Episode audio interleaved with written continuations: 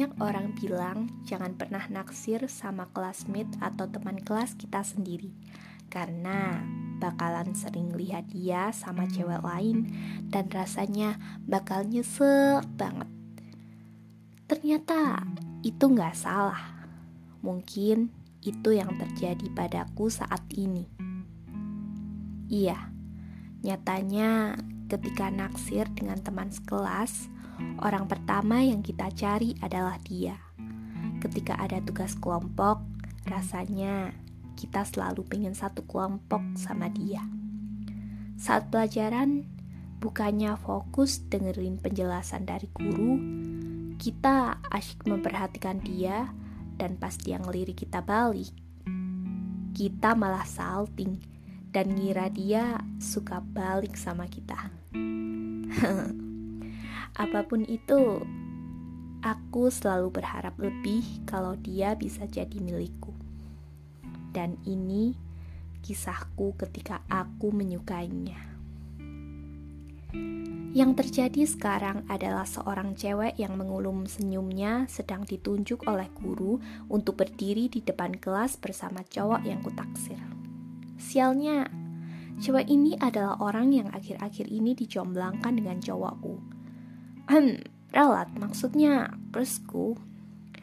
Seluruh penghuni kelas berteriak dramatis. Apalagi gerombolan cewek pembawa owner. Tak lepas dari kata cie-cie.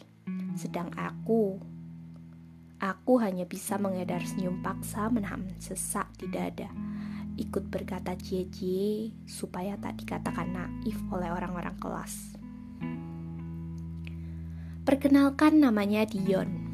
Dia adalah anak kelasku yang paling famous dan paling banyak dapat manifest dari kelas lain bukan karena ganteng, tapi karena dia tinggi, manis, dan jagoan basket di sekolah. Cowok paling humoris di deretan tongkrongan kelas yang terkadang menyebalkan. Tapi dia baik. Kami sudah sekelas sejak 2 tahun yang lalu sejak kelas 10 dan kami sekarang kelas 12 awal semester. Sekelas dengannya bukanlah hal yang mudah.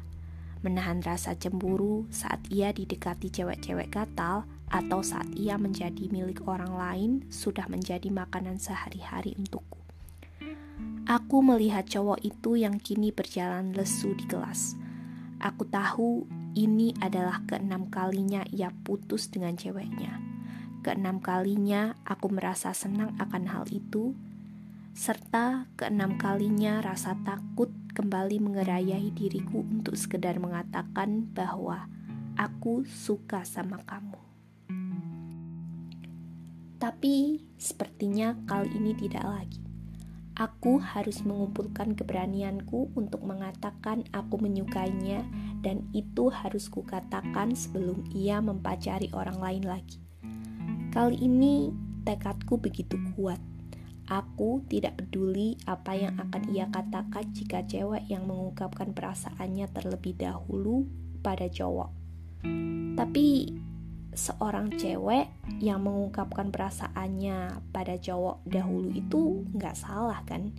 Dan yang terpenting, aku bakalan lega bisa mengatakan perasaanku selama dua tahun ini. Seperti hari Senin yang cerah ini, aku menunggu kedatangannya di dalam kelas berencana mengatakan perasaanku hari ini juga. Tapi ia tak kunjung datang padahal upacara sudah berlalu. Fer, Dion ke mana? Gak masuk. Tanyaku pada Ferry, teman sebangku Dion. Gak tahu, mamanya meninggal kali.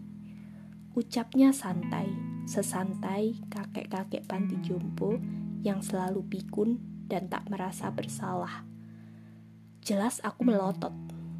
Tak berselang lama, sebuah pengumuman taksiah telah tersebar luas di seluruh penjuru sekolah untuk mama dari Dion. Aku bisa merasakan betapa pedih cowok itu ketika kehilangan seseorang yang ia sayangi saat ini. Hari berikutnya, cowok itu belum datang ke sekolah hingga hari ketiga. Aku masih setia menunggu cowok itu dan menata pintu berharap Dion datang adalah rutinitasku setiap pagi. Hari keempat, sebuah pengumuman telah terpapar dari wali kelas kalau Dion jatuh sakit. Aku kira itu sakit biasa, jadi mungkin aku tidak perlu menjenguk ia ke rumahnya. Tapi cowok itu tidak masuk seminggu beralasan sakit. Sudah cukup. Pulang sekolah nanti, aku akan mendatangi rumah cowok itu, menjenguknya, dan mengatakan tentang perasaanku. Mungkin, namun nyatanya cowok itu pagi ini hadir ke sekolah. Aku melebarkan mataku senang. Hatiku berbunga-bunga dibuatnya. Bisa dibilang kali ini aku yang paling mencak-mencak di kelas. Tapi keadaan telah berubah ketika cowok itu datang dengan menggandeng seorang cewek cantik di sebelahnya. Cewek imut berbando biru dengan porsi badan ideal benar-benar cantik. Benar kata orang. Kalau cowok cari pacar, pasti bakal lebih cantik dari mantan-mantannya. Yang kusayangkan, ia adalah cewek kelasku yang selama ini dicomblangkan dengan Dion. Aku aku tidak tahu lagi bagaimana cara mendeskripsikan perasaanku. Hari itu lagi-lagi aku mengurungkan niatku untuk mengutarakan perasaanku pada teman sekelasku sendiri.